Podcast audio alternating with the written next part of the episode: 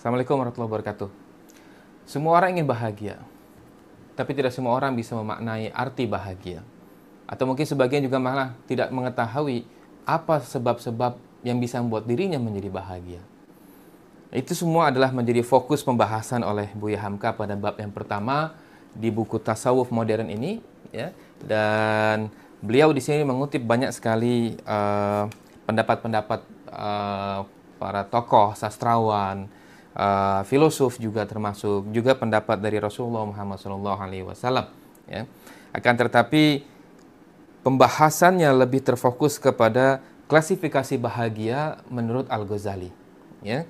Dan di sini Buya Hamka memberikan beberapa penjelasan-penjelasan atau mungkin bentuk uh, pembelaan kenapa klasifikasi menurut Imam Al-Ghazali ini ini menjadi klasifikasi terbaik untuk bahagia ya tentang bahagia maksudnya ya. Jadi klasifikasi yang pertama dan yang paling tinggi menurut Imam Al-Ghazali adalah bahagia akhirat ya. Di mana itulah bahagia yang baka dan tidak ada fana padanya.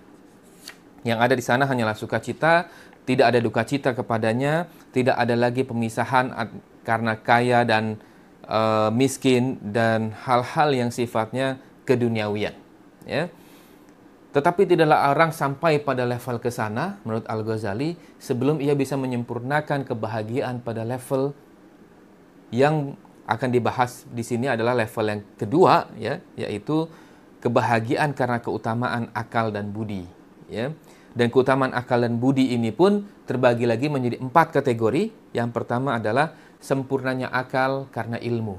Jadi orang bahagia syarat pertamanya adalah memiliki ilmu untuk memiliki kesempurnaan akal. Ya.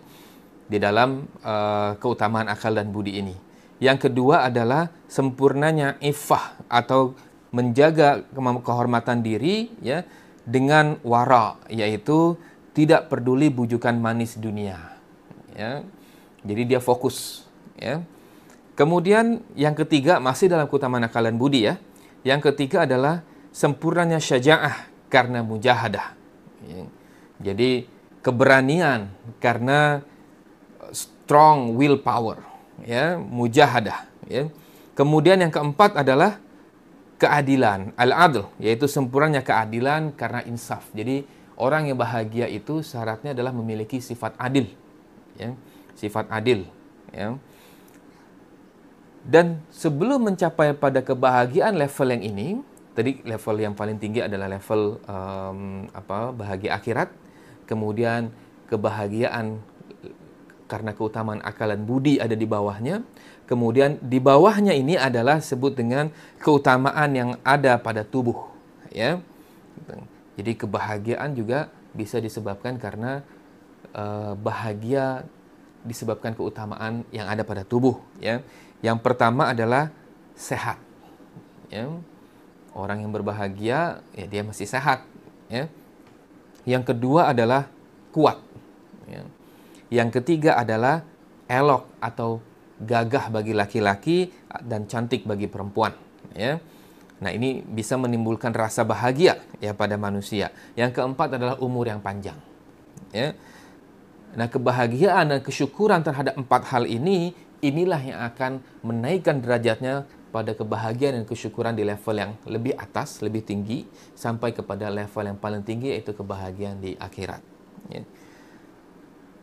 Di level yang bawahnya lagi adalah kebahagiaan bagian yang keempat, yaitu kebahagiaan sebab keutamaan dari luar badan atau dari luar tubuh. Ya. Keutamaannya terbagi menjadi empat. Yang pertama adalah harta benda. Ya. Orang yang kaya itu lebih bahagia daripada orang yang miskin ya dengan catatan dua-duanya memiliki sifat yang sama yaitu dermawan, pemurah, maka orang yang kaya dia mampu menyumbang lebih banyak daripada orang yang miskin dan itu bisa meningkatkan kebahagiaannya. Ya, kita lihat bagaimana contoh para sahabat ya ketika itu ya, kekayaan mereka tidak menyebabkannya menjadi memiliki sifat angkuh ya. Mereka menyumbang seluruh hartanya, sebagian menyumbang sebagian lagi hartanya, sebagian menyumbang seluruh hasil perdagangannya, ya, sebagian mampu mengeluarkan uh, infak di jalan Allah itu ya sebesar yang mereka mampu. Ya. Yang kedua adalah kekayaan disebabkan famili, anak istri dan kaum kerabat. Ya. Di sini dijabarkan dalam uh, buku ini ya, ada rasa ketika ia memiliki keluarga besar, yaitu ada rasa kebahagiaan, ya, rasa secure, rasa terlindungi, ya, rasa bahwa dia memiliki tempat untuk uh, bercerita, ya, mengadu, ya, ya tentu saja ini semua tergantung juga dengan uh, sifat dan karakter, ya, uh, tiap-tiap individu tersebut, ya. Yang ketiga adalah kebahagiaan karena terpandang dan terhormat, ya. Ada sebuah ungkapan ya bahwa katanya uh, status kehormatan seseorang itu bisa mencegahnya dari perbuatan dosa, ya. Jadi semestinya ya semestinya statusnya sebagai seorang pemimpin itu menyebabkan dirinya menjauhi dari dosa-dosa yang bisa membuat orang lain memandang buruk kepadanya. Ya. Nah, ini ada rasa malu dalam dirinya ya dan malu inilah yang akan membawanya kepada kebahagiaan. Ya. Yang keempat, keutamaan dari luar badan ini adalah mulianya keturunan. Ya. Jadi mulianya keturunan juga bisa menyebabkan bisa sebagai sebab orang untuk bahagia. Ya. Jadi tidak asal pilih. Ya ketika memilih pendamping tidak asal pilih. Ya. Bahkan Rasulullah pun mengajarkan ya bagaimana untuk memilih pendamping supaya mendapatkan keturunan yang baik. Ya. Pilihlah yang soleh dan solehah supaya dengan harapan keturunan kita pun akan menjadi soleh dan solehah ya karena didikan dari orang tuanya ya dan bagian yang kelima yaitu bagian yang uh, terendah menurut klasifikasi Imam Al-Ghazali ya yang juga dibahas dalam buku ini oleh Buya Hamka adalah kebahagiaan disebabkan keutamaan yang datang lantaran taufik dan pimpinan Allah Subhanahu wa taala ya. Jadi sebelum sampai pada level yang kedua, ketiga, keempat dan kelima yang paling tinggi yaitu bahagia akhirat, yang pertama harus dimiliki dan dicari oleh setiap orang-orang yang ingin bahagia adalah yang pertama, hidayah dari Allah Subhanahu wa taala. Ya, tidak ada kebahagiaan tanpa hidayah dari Allah Subhanahu wa taala. Yang kedua adalah irsyad Allah Subhanahu wa taala. Ya, tidak ada kebahagiaan tanpa irsyad Allah Subhanahu wa taala. Bagaimana Allah me meliding dia, ya, menciptakan path jalur kehidupan dia, ya, mencari itu, ya. Yang ketiga adalah tasdid dari Allah Subhanahu wa taala yaitu keteguhan, ya. Dan yang keempat adalah selalu mohon takjid dari Allah Subhanahu wa taala. Bantuan dengan apa namanya meminta agar Allah Subhanahu wa taala selalu memberikannya pandangan-pandangan nurani yang tajam terhadap berbagai hal supaya dia tidak ter terjebak ya di dalam perbuatan maksiat dan dosa ya. Nah, Allah alam itu saja yang bisa saya sampaikan untuk uh, bab pertama ini ya karena memang pembahasannya fokus pada lima klasifikasi bahagia menurut Imam Al Ghazali. Kita jumpa lagi pada video berikutnya yaitu pada bab yang kedua di mana Buya Hamka akan memaparkan tentang bahagia dan agama, hubungan antara bahagia dan agama. Assalamualaikum warahmatullahi Assalamualaikum warahmatullahi wabarakatuh. Kita lanjutkan membaca buku tasawuf modern ini. Kita masuk pada bab yang kedua yaitu pembahasan tentang bahagia dan agama. Ya. Di sini Buya Hamka memulai dengan menyatakan bahwa ada banyak jalan untuk mencapai bahagia di dunia. Tetapi hanya satu jalan untuk mencapai bahagia di dunia dan di akhirat. Dan jalan itu harus menempuh empat perkara. Yang pertama adalah itikat yang baik. Yang kedua adalah keyakinan yang mendalam. Yang ketiga adalah iman yang kuat. Dan yang keempat adalah agama yang lurus. Yang pertama adalah itikat. Apa itu itikat? Kalau dalam bahasa kita sekarang itikat itu disebut juga dengan tekad. Ya. Nah itikat ini muncul setelah pikiran manusia itu terbang tanpa batas dan kembali turun ke bumi dengan sebuah kekuatan untuk berbuat baik. Itu yang dijelaskan oleh Buya Hamka dalam buku ini. Ya. Oleh sebab itu, ketika seseorang itu mengerjakan sesuatu yang bertentangan dengan itikatnya, maka perasaannya akan selalu gundah. Dia tidak tenang. Seperti dalam firman Allah Subhanahu wa taala dalam Quran surat Ali Imran ayat 135, A'udzu billahi minasyaitonir rajim, "Walladzina idza fa'alu fahishatan aw dzalamu anfusahum zakarullaha fastaghfaru lidzunubihim." Dan orang-orang yang apabila mengerjakan perbuatan keji atau menganiaya diri sendiri, mereka ingat kepada Allah lalu mereka istighfar. Nah itulah orang-orang yang memiliki itikat yang baik. Ketika ia melakukan sebuah dosa, maka dosanya itu akan membuat dirinya menjadi gundah. Dan dengan serta-merta dia akan istighfar. Yang kedua adalah keyakinan yang mendalam. Setelah melalui petualangan fikiran yang panjang dalam itikat, untuk menumbuhkan itikatnya, datanglah keyakinan itu setelah bukti-bukti yang nyata dan terang. Keyakinan akan apa? Yaitu keyakinan akan bahwa alam semesta ini ada yang menciptakan dan ada yang mengaturnya, yaitu Tuhan. Nah, ada tiga tingkatan keyakinan yang dijelaskan dalam buku ini. Yang pertama adalah ilmu yakin, yang kedua adalah hakul yakin, yang ketiga adalah ainul yakin. Ilmu yakin, semua tahu bahwa Makkah itu ada. Ilmu yakin. Kemudian setelah berkunjung ke Mekah, terlihatlah olehnya Ka'bah. Maka itu akan menunjukkan hakul yakin. Setelah itu ia tawaf, ia mencium hajar aswad, maka muncullah ainul yakin. Jadi kalau itikat adalah benih kekuatan beramal karena fikiran yang kuat, maka yakin itu tumbuh disebabkan oleh penyelidikan-penyelidikan yang mendalam. Yang ketiga adalah iman yang kuat. Iman dapat dengan kuat tertanam dalam jiwa kalau hati ini terbebas dari tiga perkara. Yang pertama adalah sifat takabur, yang kedua adalah sifat hasad, yang ketiga adalah sifat untuk mencari kemewahan atau kemegahan dunia. Sifat takabur inilah yang meruntuhkan Fir'aun ketika melawan Nabi Musa. Dan sifat hasad adalah yang menyebabkan iblis terlempar dari surga karena hasadnya kepada Nabi Adam alaihissalam. Dan sifat mencari kemewahan, kemegahan, melihat harta benda dunia inilah yang menghalangi Heraklius ketika itu untuk beriman kepada Rasulullah Muhammad SAW. Nah, iblis, Fir'aun, dan Heraklius bukannya kurang dalam fikiran dan penyelidikan. Mereka adalah orang, mereka adalah makhluk-makhluk Allah ya, yang memiliki kemampuan untuk melakukan penyelidikan dan fikiran yang dalam. Namun imannya hancur disebabkan nafsu yang menjadi cancer yang memakan hati nuraninya. Seperti juga ketika umat Yahudi menolak dakwah Rasulullah, mereka bukannya tidak mengetahui. Disebutkan bahwa mereka mengetahui Rasulullah itu seperti mengetahui anaknya sendiri. Tetapi apa yang menghalangi mereka untuk beriman? Nafsu di dalam dadanya. Yang keempat adalah agama yang lurus. Agama adalah ibadah yang dihasilkan oleh iktikad lantaran petualangan fikirannya yang menumbuhkan keyakinan di dalam hati dengan ketundukan dan kepatuhan karena iman. Jadi agama yang lurus itu baru tercipta ketika ia memiliki fikiran yang bersih, keyakinan yang mendalam, iman yang kuat. Kemudian bisa diimplementasikan dalam bentuk ibadah-ibadah fisikal. Ya. Agama itu mencakup makna Islam, iman, dan ihsan seperti dijelaskan oleh Rasulullah Muhammad SAW di akhir hadis kedua Arba'in ketika malaikat Jibril pergi meninggalkan Rasulullah dan para sahabat ketika itu Rasulullah bertanya ya, para sahabat ya, kemudian Rasulullah menjelaskan bahwa atakum yu'allimukum dinakum bahwa malaikat Jibril telah datang dengan menjelaskan Islam, iman dan ihsan dan semuanya itu dikategorikan sebagai dinakum penjelasan terhadap agama kalian. Nah, beragama adalah mengimplementasikan i'tikad, keyakinan dan iman ke dalam aktivitas-aktivitas fisik, ya. hablum minallah dengan ibadah-ibadah yang khas dan hablum minannas dengan muamalah-muamalah yang diridhoinya.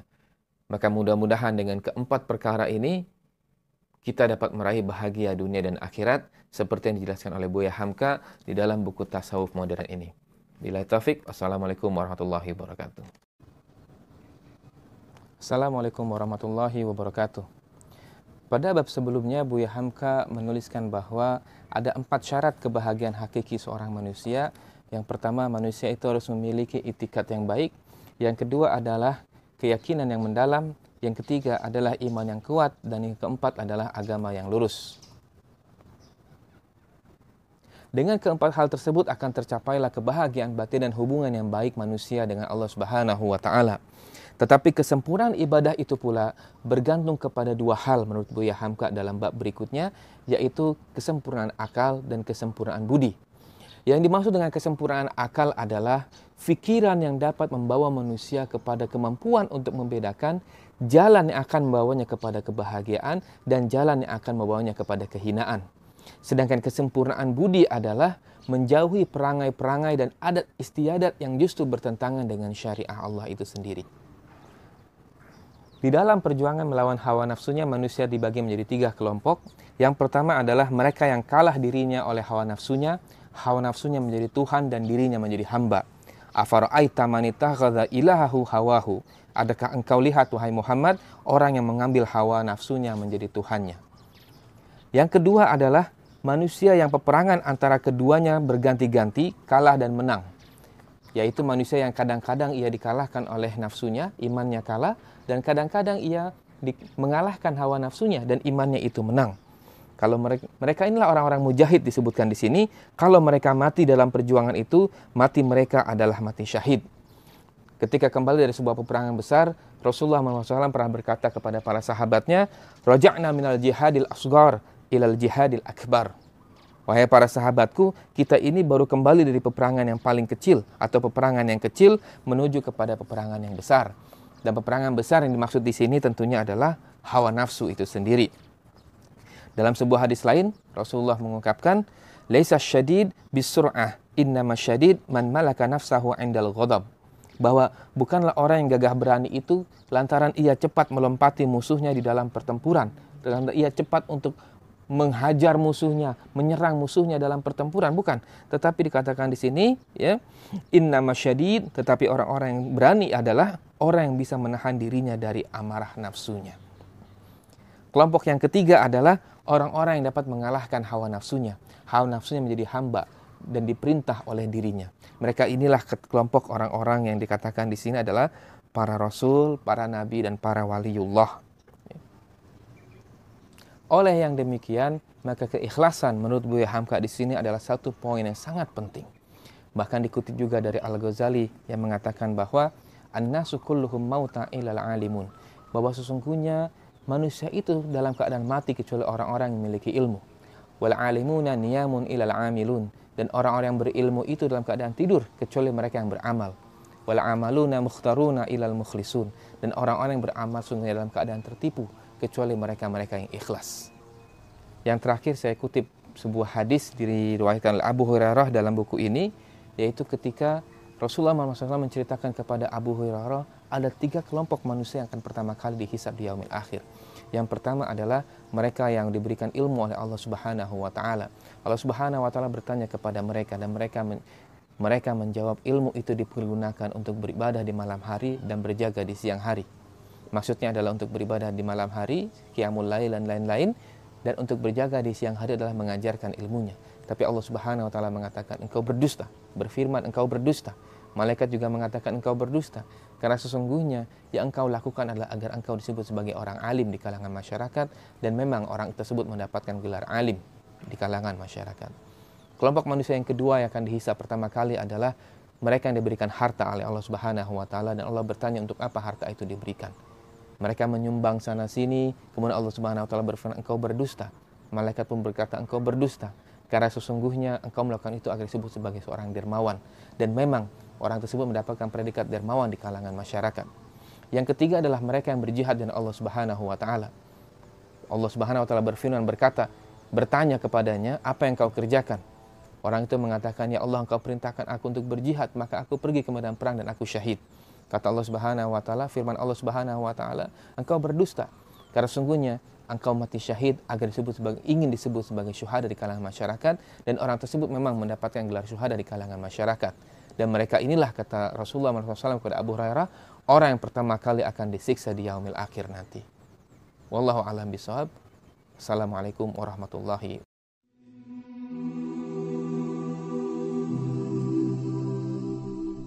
Assalamualaikum warahmatullahi wabarakatuh. Kita melanjutkan pembahasan tentang buku tasawuf modern karya Buya Hamka. Dan kali ini kita masuk pada sebab bahagia yang keempat yaitu kesehatan yang mencakup kesehatan jiwa dan kesehatan badan. Kenapa harus dua-duanya? Karena kalau satu saja tentunya tidak seimbang. Bayangkan seorang yang sehat badannya tetapi akal dan pikirannya sakit. Apa yang bisa dilakukan olehnya? yang bisa dilakukannya adalah kerusakan-kerusakan baik kerusakan secara fisikal merusak lingkungan ataupun kerusakan sifatnya abstrak sosial, politik, dan lain-lain atau orang yang hanya mementingkan kesehatan jiwanya saja tetapi mengabaikan kesehatan badannya. Jiwa badannya ringkih, tidak bisa berbuat banyak walaupun otaknya cerdas, walaupun jiwanya sehat. Tapi kebaikan-kebaikan yang bisa diambil dari sana mungkin hanya terbatas saja. Dan boleh jadi juga tidak bisa menghentikan kerusakan-kerusakan yang dilakukan oleh orang-orang yang badannya sehat namun jiwanya sakit. Nah, untuk mencapai dan menjaga kesehatan badan semua orang sudah tahu dan sudah paham. Bahkan kalau kita sakit pun kepada siapa kita harus pergi, kita insya Allah sudah tahu. Maka yang ditekankan dalam buku tasawuf modern oleh Buya Hamka ini adalah bagaimana mencapai kesehatan jiwa. Ada lima tips dari Buya Hamka untuk mencapai kesehatan jiwa. Yang pertama adalah bergaul dengan orang-orang yang baik dan soleh ya. mencari kawan orang-orang yang soleh mencari pasangan juga orang-orang yang soleh atau soleha ya. kenapa? karena nasihat Buya Hamka untuk menjaga kebersihan jiwa hendaklah kalian bergaul dengan orang-orang yang baik yang dapat kita ambil ilmu dan kebaikan dari dirinya ya karena sebagiannya biasanya umumnya orang itu ya asalnya dia menjadi baik tapi karena bergaul dengan orang-orang yang tidak baik dia agak ikut-ikutan ya ikut-ikutan menjadi tidak baik ya. Nah, padahal dia asalnya adalah orang yang orang yang baik ya. Kalau kita bergaul dengan orang-orang yang soleh, orang-orang yang berpikiran positif, insya Allah kita juga akan ikut-ikutan berpikiran positif ya.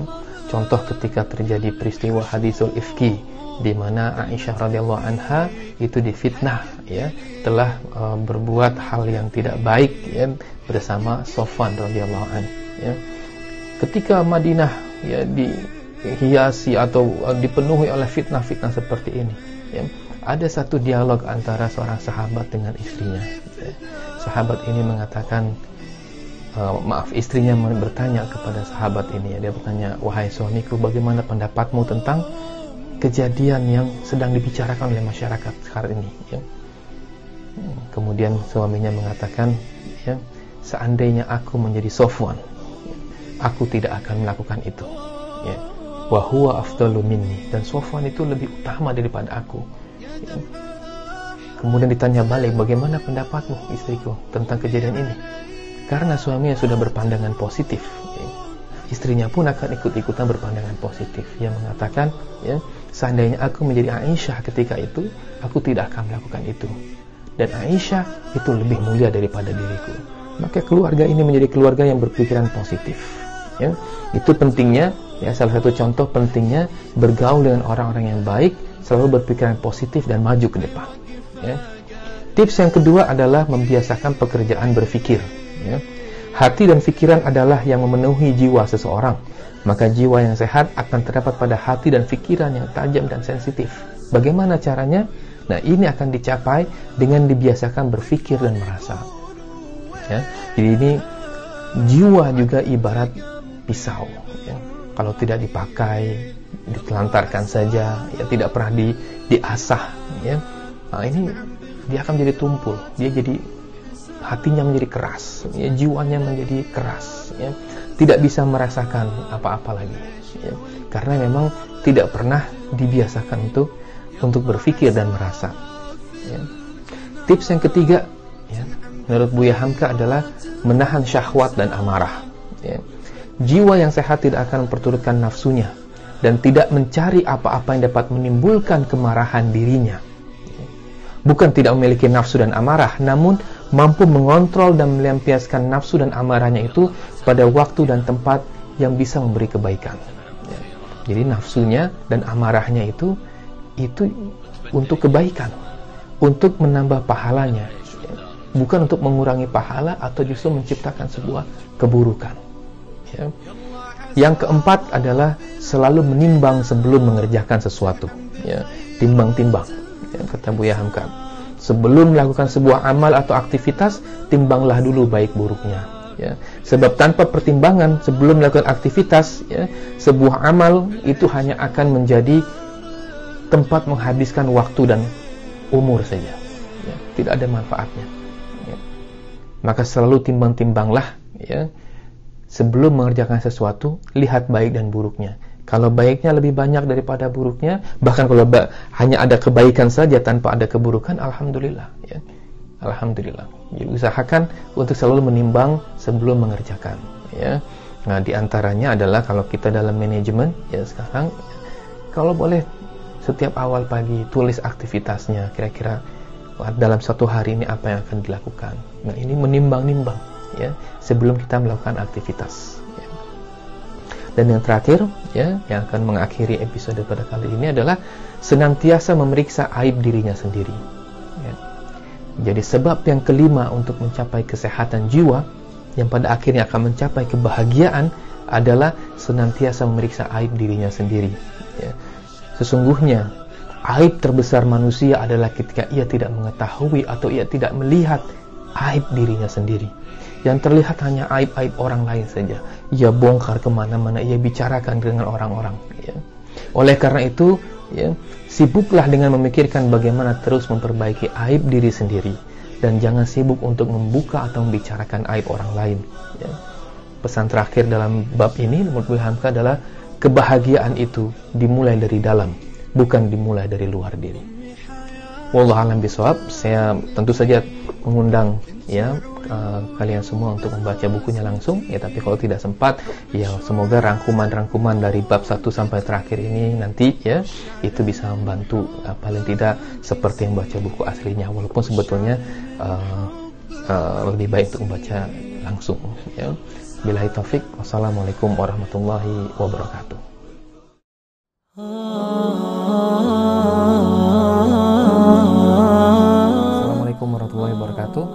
Melanjutkan pembahasan berikutnya dari buku Tasawuf Modern, kita telah masuki pada bab yang kelima, yaitu hubungan antara harta kekayaan dengan bahagia.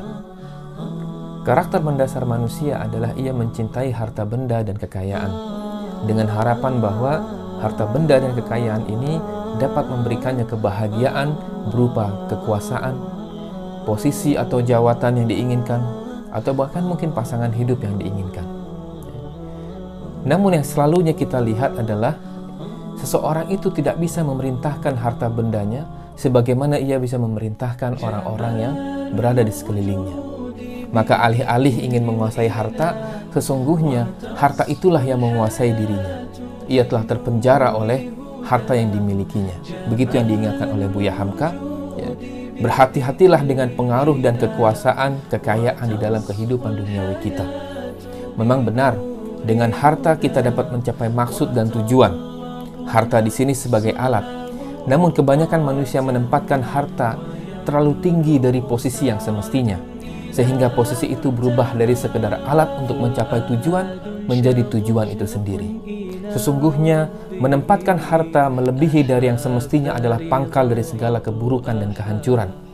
Baik untuk dirinya sendiri, untuk keluarganya, juga untuk masyarakat di mana ia tinggal.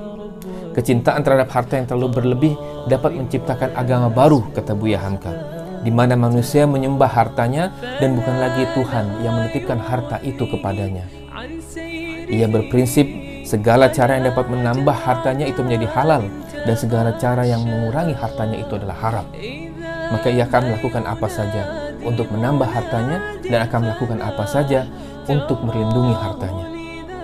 Lalu harta itu pun memainkan peranannya. Lambat laun persepsi masyarakat mulai berubah sebab kecintaan mereka kepada harta. Dipandang mulia orang yang berharta meskipun ia seorang pencuri halus yang mencuri uang rakyat dan negara dan dipandang hina orang yang jujur berbudi pekerti, berintegriti, namun tidak berharta banyak. Akan tetapi, jika ia meletakkan harta itu pada tempat yang benar, dikeluarkan kewajiban atas hartanya, dinafkahkan menurut keperluannya, dan diinfakkan untuk membantu orang yang lain, maka harta inilah yang menjadi anak tangga pertama dalam mencapai kebahagiaan hidup di dunia dan di akhirat. Seorang ulama yang kaya raya ditanya tentang harta yang dimilikinya. Lalu ia menjawab, harta ini untuk menjaga kehormatan, menunaikan kewajiban, dan menghindarkan diri dari jurang kenistaan, yaitu berupa meminta-minta dan meminjam yang bisa menyebabkan hancurnya marwah seorang pendakwah serta munculnya ketidakpercayaan orang-orang atas ucapan dan dakwah dari ulama tersebut. Oleh sebab itu, para ulama mencoba menyimpulkan bahwa sesungguhnya kaya atau miskin seseorang itu bukanlah dari harta benda yang ada di tangannya, namun seberapa terpenuhi hati dan jiwanya dengan harta benda yang dimilikinya. Buya Hamka menyimpulkan maka orang kaya ialah orang yang paling sedikit keinginannya, sedangkan orang miskin adalah orang yang paling banyak keinginannya. Hamka mengingatkan kemudian bahwa ulama membagi tiga klasifikasi manusia berdasarkan interaksinya dengan harta di dunia. Yang pertama adalah orang yang meninggalkan harta dunia sepenuhnya untuk meraih kemenangan di akhirat. Orang ini mungkin akan mendapatkan kebahagiaan di akhirat. Yang kedua adalah orang yang mementingkan dunianya daripada akhiratnya. Harta adalah segala-galanya. Ketenaran dan sanjungan puji manusia itulah yang dikejarnya. Manusia seperti ini pasti akan binasa. Yang ketiga adalah orang yang menjadikan dunianya sebagai alat untuk mencapai kemenangan di akhirat. Mereka inilah yang akan menempuh jalan paling sukar dan berbahaya. Banyak yang akan memusuhinya, namun jika mereka mampu melaluinya, kemenangan mereka yang terbesar kelak di akhirat melebihi grup yang pertama tadi, yaitu orang yang menghindari kehidupan duniawi. Dia menyisihkan dirinya sendiri sehingga terasing dari kehidupan duniawi. Ada tiga tips dari Buya Hamka tentang bagaimana dengan harta kita dapat menjadi bahagia di dunia dan akhirat. Yang pertama adalah carilah dengan cara dan melalui sumber yang halal. Kita ingat bahwa keyakinan kita sebagai orang Islam mengatakan nanti di alam kubur ada pertanyaan-pertanyaan yang akan dialamatkan kepada kita. Wafi malihi dan terkait dengan harta yang kita miliki ada dua pertanyaan yaitu min aina iktasabahu wa fima anfaqahu. Dari mana engkau dapatkan dan ke mana engkau infakkan harta yang kita miliki itu. Maka bukan hanya berpikir bagaimana menyalurkannya, tetapi berpikirlah bagaimana mendapatkannya. Apakah sumbernya halal, jelas kehalalannya ataukah tidak. Tentunya kita tidak ingin memberi makan keluarga kita dengan sumber-sumber yang haram. Yang kedua adalah tunaikan kewajiban atas harta tersebut. Zakat, infak, sedekah, wakaf. Yang ketiga adalah pakai dan makanlah secara sederhana. Pakai yang dimiliki, makan yang dimiliki, makanlah dan pakailah dengan cara yang sederhana. Ini adalah tiga tips dari Buya Hamka dalam buku Tasawuf Modern terkait dengan bagaimana dengan harta di dunia ini kita bisa mendapatkan kebahagiaan di dunia dan di akhirat. Allah alam bisawab. Wassalamualaikum warahmatullahi wabarakatuh.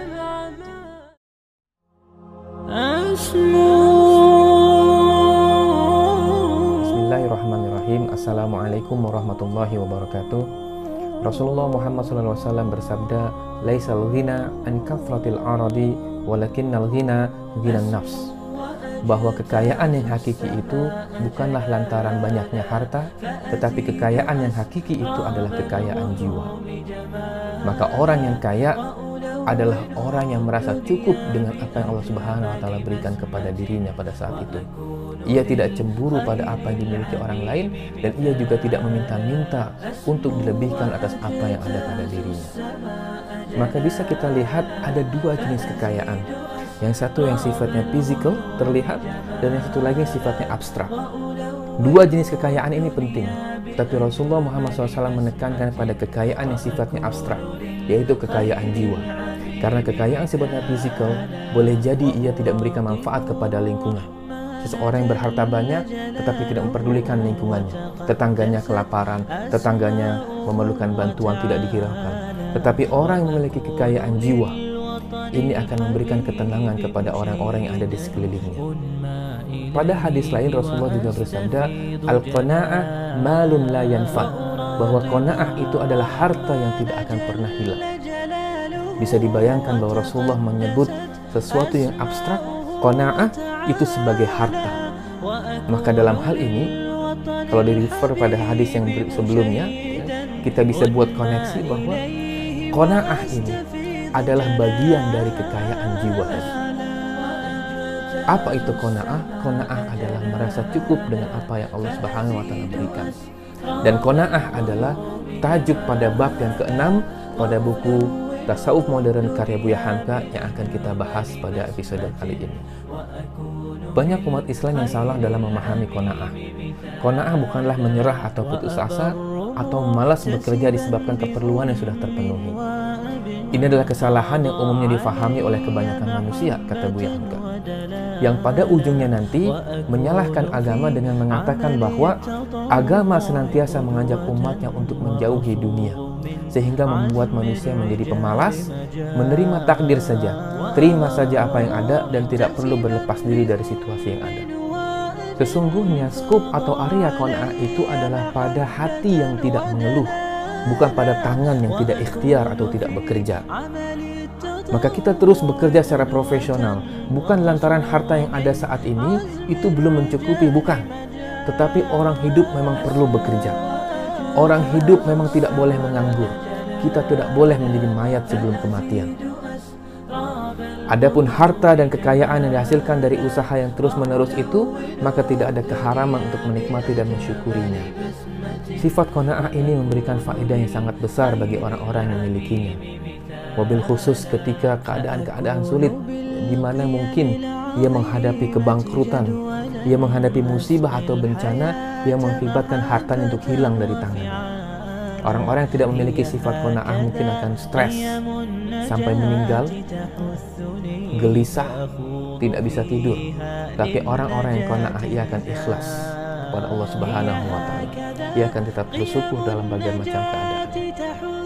Buya Hamka menyebutkan bahwa kona'ah mengandungi lima perkara. Yang pertama adalah menerima dengan ikhlas apa yang ada.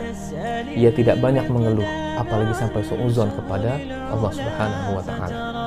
Yang kedua, memohon kepada Allah tambahan-tambahan yang dirasa perlu.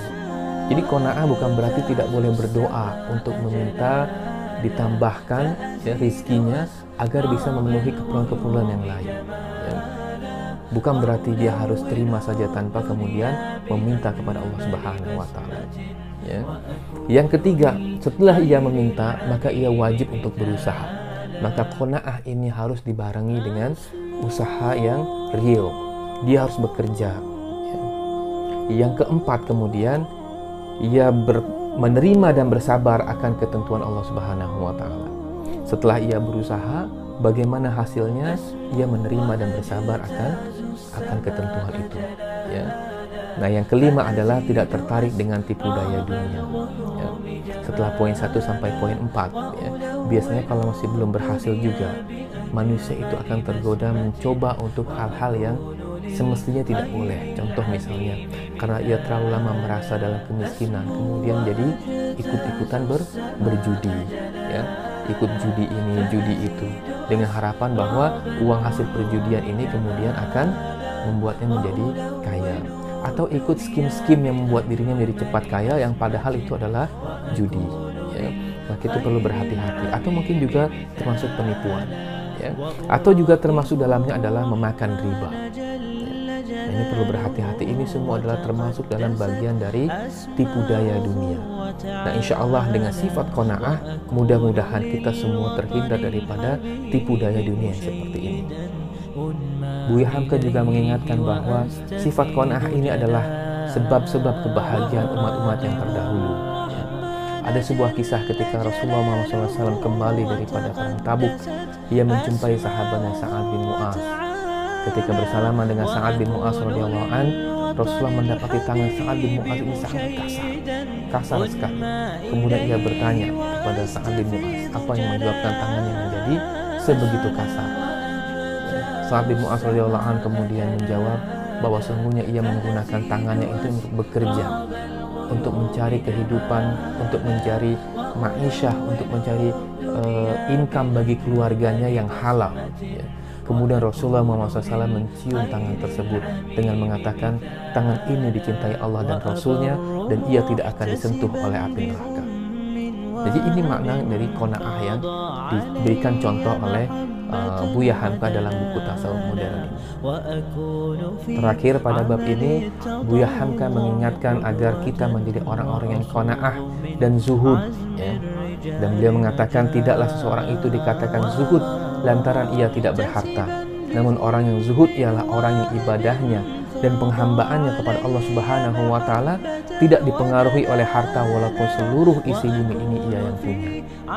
Allah alam bisawab semoga bermanfaat dan kita akan berjumpa lagi pada episode berikutnya di bab selanjutnya. Assalamualaikum warahmatullahi wabarakatuh.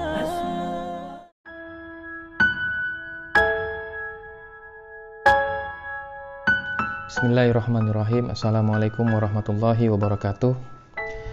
Um, ini minggu ketiga di masa lockdown COVID-19 outbreak, uh, di mana kita uh, di sini khususnya di negeri ini uh, minggu ketiga tidak diadakannya sholat Jumat. So tadi mengerjakan sholat zuhur seperti biasa bersama keluarga. Uh, dan kali ini saya ingin melanjutkan pembahasan tentang buku tasawuf modern karya Buya Hamka. Uh, tapi episode kali ini agak sedikit berbeda sebab episode kali ini akan menggabungkan empat bab sekaligus uh, dari buku Buya Hamka, empat bab yang uh, towards the end, ya, yang menuju akhir. Dan kenapa digabungkan? Sebab memang um, babnya nggak terlalu panjang ya dan juga uh, saling terkait ya. Jadi kalau membahasnya itu uh, sekali bahasan insya Allah uh, bisa selesai ya. Baik kita lanjutkan dari uh, bab yang ketujuh ya yaitu uh, tawakal ya. Um, sebelumnya episode sebelumnya kita membahas tentang konaah ya. Dan di dalam konaah tersimpulah tawakal ya sudah disebutkan tentang uh, konaah salah satu unsur dalam konaah yaitu tawakal yaitu menyerahkan segala keputusan atas doa usaha yang telah kita lakukan kepada Allah Subhanahu wa taala ya. Dan usaha maksimal dan usaha di atas maksimal kalau masih ada lagi ya Dikatakan oleh Buya Hamka, tidaklah seseorang itu keluar dari garis tawakal ketika ia berusaha maksimal menghindarkan dirinya dari kemelaratan hidup. Jadi ia bekerja terus ya untuk menghindari dari kemelaratan hidup ya, itu tidak keluar dari garis tawakal. Ya, sepanjang kewajiban-kewajiban dalam agamanya dipenuhi. Sebaliknya malah mereka yang hanya duduk-duduk di dalam masjid sambil berzikir sepanjang hari tanpa melakukan usaha ya untuk ma'isyahnya ya untuk menghindarkan dirinya dari kemelaratan hidup tidak berpangku tangan daripada orang lain ya. Itulah menurut Buya Hamka yang telah meninggalkan tawakalnya kepada Allah Subhanahu wa taala. Untuk lebih mematangkan makna tawakal dalam bukunya Buya Hamka menggunakan sirah nabawiyah yaitu perjalanan hijrah Rasulullah ya, dari Mekah ke Madinah ya, sebagai contoh yang sangat kuat bagaimana tawakal itu kepada Allah Subhanahu wa taala. Rasulullah memulai perjalanannya itu di tengah malam. Ya. Tidak lazim ya di tengah malam, kemudian juga menggunakan jalan yang berlawanan arah dari jalan yang umumnya digunakan orang ketika menuju Madinah daripada Mekah. Ya, yaitu memutar lewat jalan belakang dan bersembunyi di sebuah gua kecil di Jabal Sur. Ya. Barulah ketika orang-orang kafir musyrikin lelah mencari dan tidak menjumpai kemudian mereka balik Rasulullah berkata kepada sahabatnya yang ia cintai Abu Bakar As-Siddiq radhiyallahu an, beliau mengatakan la tahzan innallaha ma'ana. Maka setelah mempergunakan uh, strategi yang terbaik ya, kemudian berusaha semaksimal mungkin untuk bersembunyi, barulah mereka bertawakal kepada Allah Subhanahu wa taala. Ya. Bayangkan apa yang akan terjadi pada umatnya hari ini seandainya Rasulullah ketika itu tidak menggunakan strategi ya dalam perjalanan hijrahnya ya asal jalan saja ya. Sedangkan dengan kuduah yang benar saja masih banyak yang salah dalam memaknai apa itu tawakal menurut Buya Hamka. Apakah lagi jika yang terjadi dahulu adalah sebaliknya ya? Nampaknya akan keoslah umat ini menurut Buya Hamka ya. manusia tidak lagi menutup dan mengunci rumahnya dari maling tidak lagi mengikat hewan peliharaannya dari kabur berlari, tidak lagi bertebaran di muka bumi untuk mencari rizki, tidak mau berobat ketika sakit, dan semua itu di atas namakan tawakal. Ya. Seandainya ketika itu Rasulullah tidak mempergunakan strategi, ya.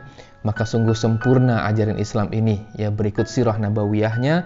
Dan sungguh Rasulullah adalah sirah dan yang paling baik. Buya Hamka juga mengutip sebuah riwayat yang mengatakan bahwa pernah suatu ketika di zaman pemerintahan Umar radhiyallahu an, Umar bin Khattab radhiyallahu an, ya, itu ada sebuah ekspedisi untuk menuju negeri Syam, ya, dipimpin sendiri oleh Umar radhiyallahu an. Ya. Ketika sampai di sebuah perkampungan bernama Jabiyah, ya, terdengarlah kabar bahwa di negeri Syam telah tersebar sebuah penyakit taun yang membunuh ribuan orang di sana. Terbagi dualah kelompok pasukan kaum muslimin ketika itu, ya. Yang pertama uh, diwakili oleh Umar radhiyallahu an untuk kembali ya tidak memasuki wilayah yang sedang terkena penyakit wabah ini. Sedangkan uh, dikatakan Abu Uday, Abu Ubaidah ya itu adalah orang yang uh, menyokong untuk terus berjalan memasuki negeri Syam. Ya, beliau mengatakan apakah boleh kita lari dari takdir Allah Subhanahu wa taala? Lalu Umar merespon, betul, kita lari dari takdir Allah kepada takdir Allah ya, dari takdir Allah yang satu kepada takdir Allah yang lain ya. Betapa bahagianya Umar ketika Abdurrahman bin Auf datang menyusul sambil menyampaikan hadis yang ia dengar dari Rasulullah Muhammad SAW. Ya, beliau bersabda, apabila kamu mendengar kabar bahwa wabah berjangkit di suatu negeri, maka janganlah kamu datang ke negeri itu. Dan kalau kamu ada di dalam negeri itu, janganlah kamu keluar dari sana untuk ke negeri yang lain.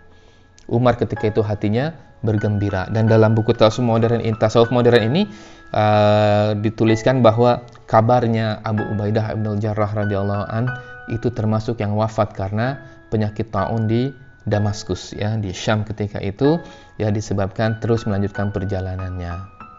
Bab yang berikutnya adalah tangga bahagia. Ada lima tangga menuju bahagia menurut Buya Hamka. Yang pertama adalah merasakan kelezatan hidup. Ya. Yang menyebabkan kebencian pada hidup, hidup tidak menarik hati adalah karena ianya tidak mengetahui rahasia hidup. Ya, untuk apa ia hidup dan apa yang diperlukan dalam hidupnya, lalu ke mana setelah hidup di dunia. Jadi, yang menghalang seseorang untuk bahagia di tangga yang pertama adalah ia tidak tahu bagaimana merasakan kelezatan hidup. Ya. Ia tidak tahu untuk apa ia hidup, apa yang diperlukan di dalam hidupnya, lalu ke mana setelah hidup di dunia. Ya. Kebingungan-kebingungan dalam menjawab inilah yang yang membuatnya untuk apa uh, sulit merasakan kelezatan hidup. Karena sulit merasakan kelezatan hidup, maka sulit untuk merasakan bahagia.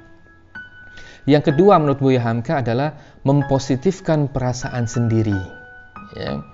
Kalau ada perasaan bahwa orang suka dengannya, timbullah kekuatan dan keberanian menghadapi hidup. Namun jika sebaliknya, ia akan merasa sunyi dan tidak bahagia. Ya. Bahayanya orang-orang yang memiliki perasaan diri bahwa orang lain tidak menyukainya adalah pikiran untuk melakukan apa saja tanpa perlu memikirkan etika dan nilai-nilai kesopanan di dalam masyarakat. Ya. Nah, jadi karena dia sudah merasakan uh, merasa bahwa orang lain toh sudah tidak suka pada dirinya, ya lebih baik saya melakukan apa saja. Dan Rasulullah mengatakan bahwa jika engkau tidak memiliki malu, maka lakukanlah sesukamu.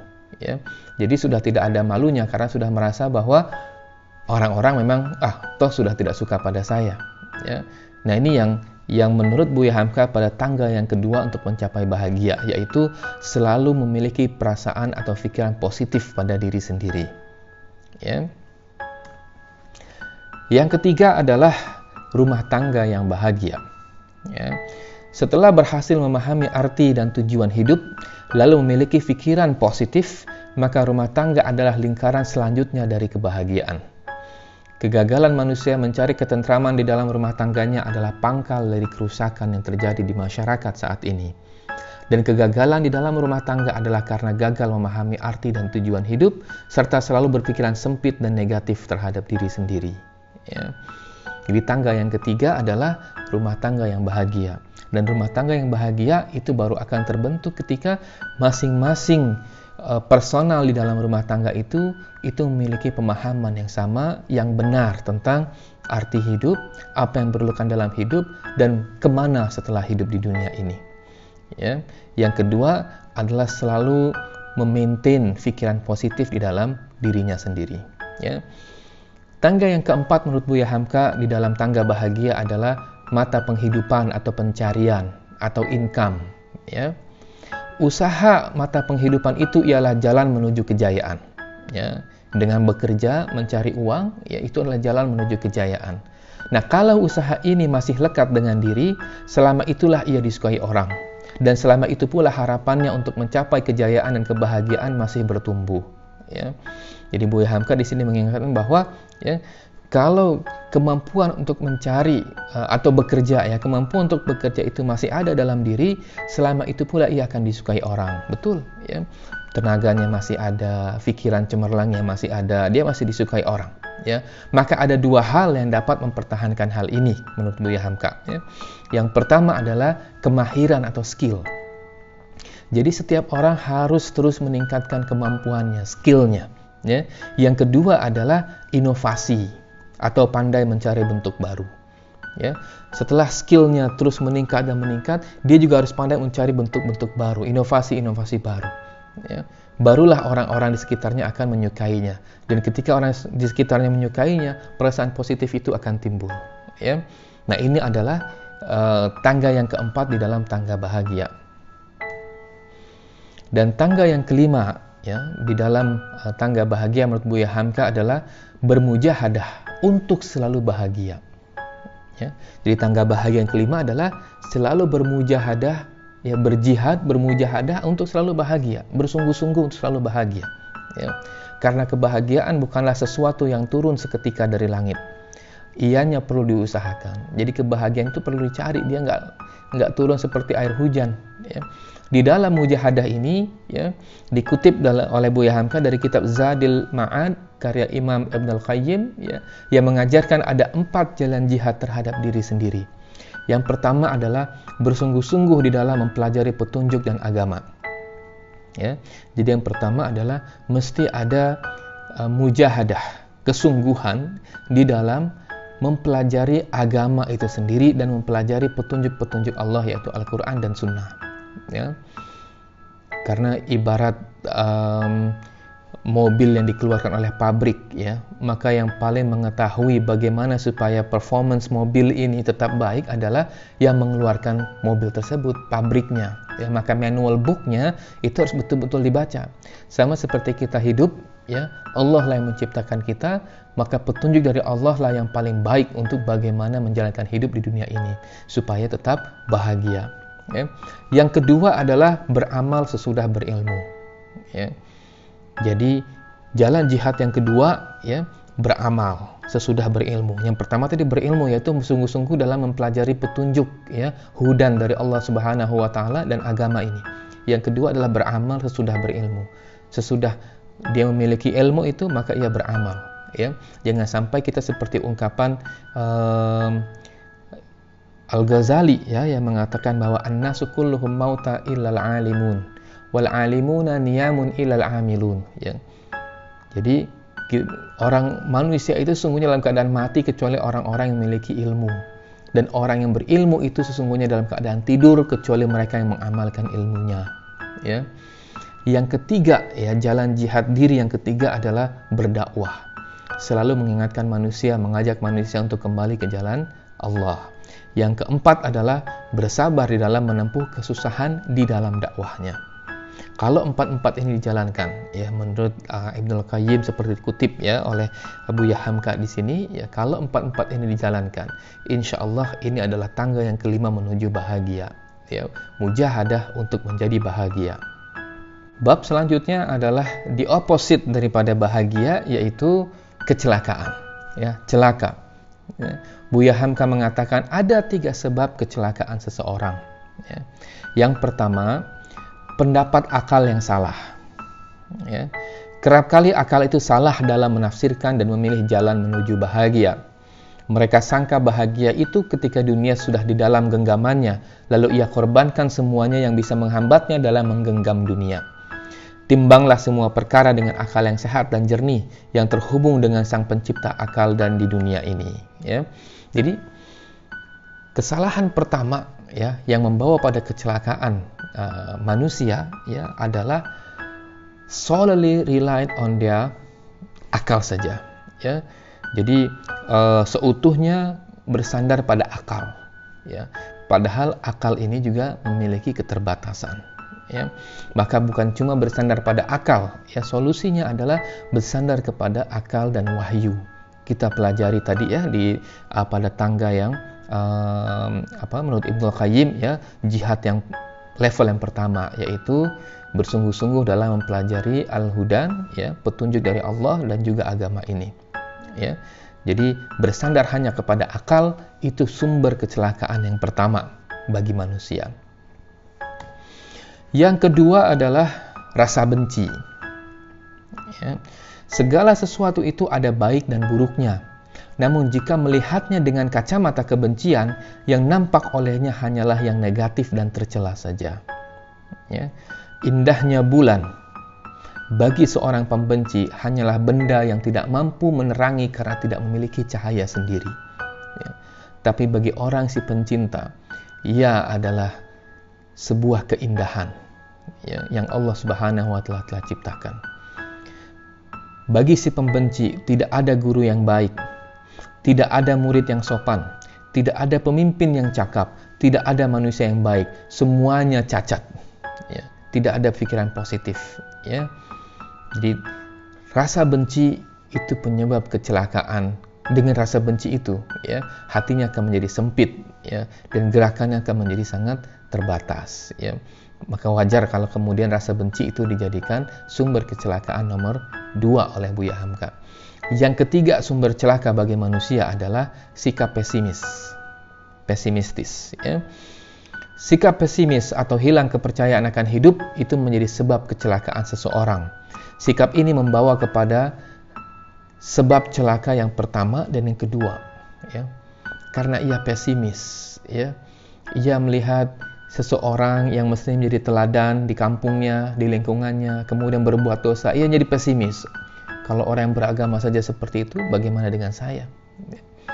Ia menjadi pesimis dan pesimis-pesimis ini ia akan menumbuhkan apa tadi? Ia akan menumbuhkan rasa benci. Ia, ia, ia jadi membenci orang-orang yang um, akan memiliki apa namanya uh, suuzon, ya prasangka-prasangka negatif ya kepada orang ya.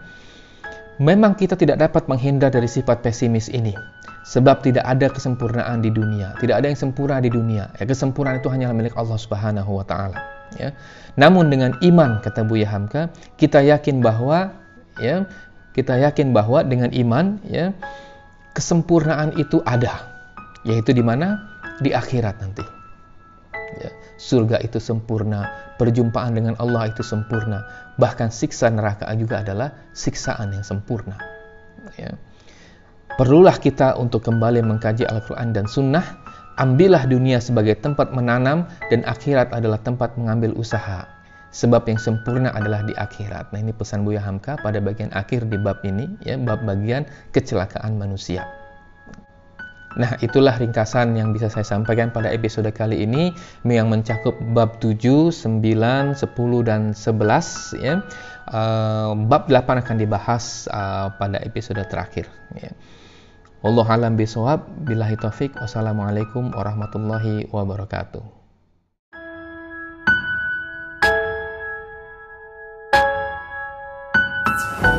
Bismillahirrahmanirrahim Assalamualaikum warahmatullahi wabarakatuh Alhamdulillah telah sampai kita pada episode terakhir dari pembahasan buku Tasawuf Modern karya Buya Hamka Sebuah buku fenomenal ya Yang ditulis oleh ulama Nusantara um, Babnya sebetulnya bukan pada bab terakhir di buku ini Tetapi pada bab 8 ya.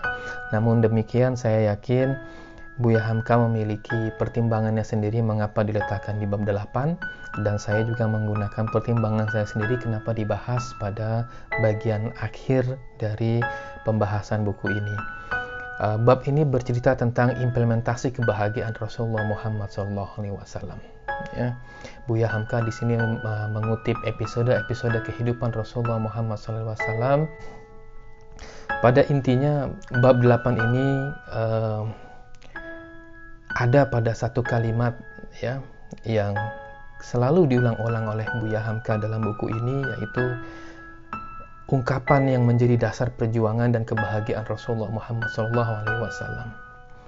Rasulullah Muhammad SAW bersabda, Inni Abdullahi wala yudi'ani Aku adalah hamba Allah dan dia tidak akan mengecewakan dan dia tidak akan menyia-nyiakan diriku. Kadang-kadang sangat lapar terasa perutnya karena keseharian belum ada yang dimakan. Kadang-kadang sebulan lamanya. Dapurnya tidak berasap, namun ia tidak mengeluh. Padahal kunci masyrik wal maghrib ada dalam genggamannya. Malah diambilnya batu lalu diikatkannya di perutnya. Meninggal satu persatu sahabatnya dalam keadaan yang menyedihkan. Ia sendiri hancur giginya, patah jari tangannya, dan hampir pecah kepalanya. Namun ia selalu bangkit seraya mengatakan, Inni Abdullahi walan yudi'ani. Aku adalah hamba Allah dan dia tidak akan menyia-nyiakan diriku. Istrinya Khadijah meninggalkannya ketika ia sangat memerlukannya. Istrinya Aisyah pula difitnah atas perkara yang menghancurkan hatinya. Namun ia tetap tegar sambil berkata, Inni Abdullahi walan yudi'ani. Dia serukan kebenaran, dituduh orang sebagai pendusta diterangkannya agama yang baik, dikatakan orang ia telah gila. Dilempari ia hingga kaki dan kepalanya berdarah, namun ia tidak bergeser dari pendiriannya. Inni Abdullahi walan yudi'ani. Betapa berat beban yang dibawanya, namun ia tetap berprasangka baik kepada Allah. Tidak selangkah pun ia bergeser dari pendiriannya, dan tidak pernah sedikit pun ia mengeluh. Inilah kebahagiaan Rasulullah Muhammad SAW. Ketika Nabi Nuh alaihissalam melihat kesesatan umatnya, serta perlawanan yang diberikan untuk menolak dakwahnya, Nabi Nuh alaihissalam berdoa kepada Allah Subhanahu wa taala, "Wa qala Nuh Rabbi la tazar 'alal ardi minal kafirina dayyara."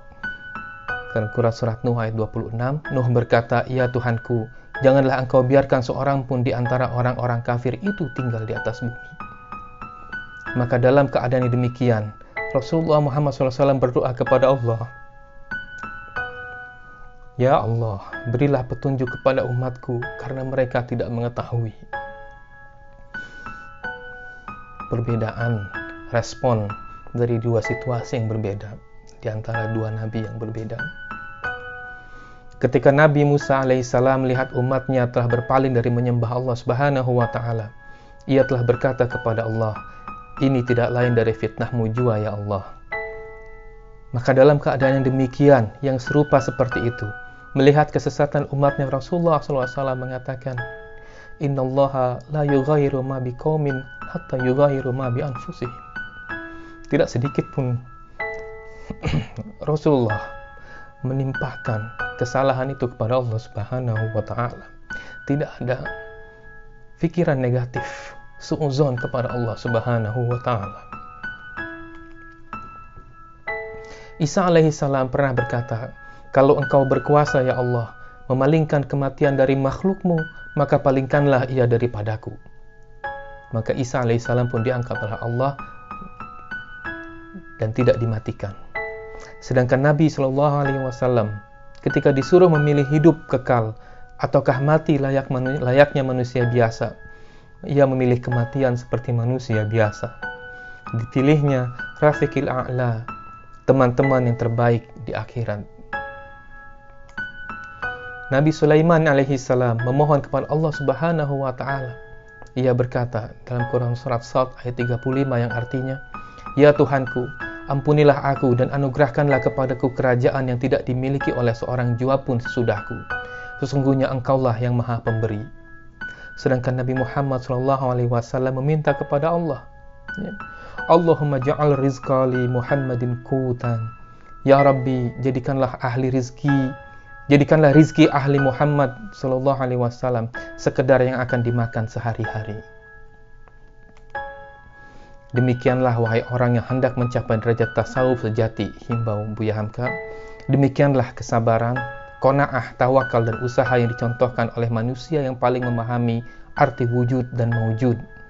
Cita-citanya dan kemaslahatan dirinya telah ia kalahkan demi cita-cita dan kemaslahatan umatnya. Tenang segala gelora hatinya, tentram perjalanannya menuju keridhaan Allah. dan tidak pernah putus asa ia berdoa dan berusaha. Ya. Ini semua ada dalam buku Tasawuf Modern. Ya. Bagaimana Buya Hamka menggambarkan implementasi kebahagiaan Rasulullah Muhammad SAW. Tidaklah ia hidup bergelimang harta, bahkan yang dipintanya adalah hidup dalam keadaan yang serba pas-pasan, ya, kalau tidak dikatakan miskin, ya. Kemudian juga ia tidak menuntut ya, akan apa-apa yang terjadi pada dirinya. Diriwayatkan oleh Anas bin Malik ketika ia menjadi khadimat Rasulullah Muhammad SAW selama beberapa tahun. Ya. Anas bin Malik mengatakan tidak pernah aku mendengar Rasulullah Muhammad SAW mengatakan kenapa engkau lakukan ini, kenapa engkau lakukan itu. Seandainya begini, seandainya begitu.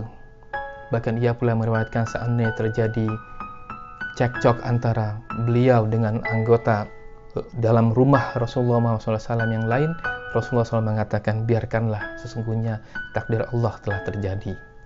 Insya Allah kita tutup uh, pembahasan ringkasan tasawuf modern karya Buya Hamka pada episode ini dan kita akan berlanjut pada uh, pembahasan buku Buya Hamka berikutnya yaitu falsafah hidup.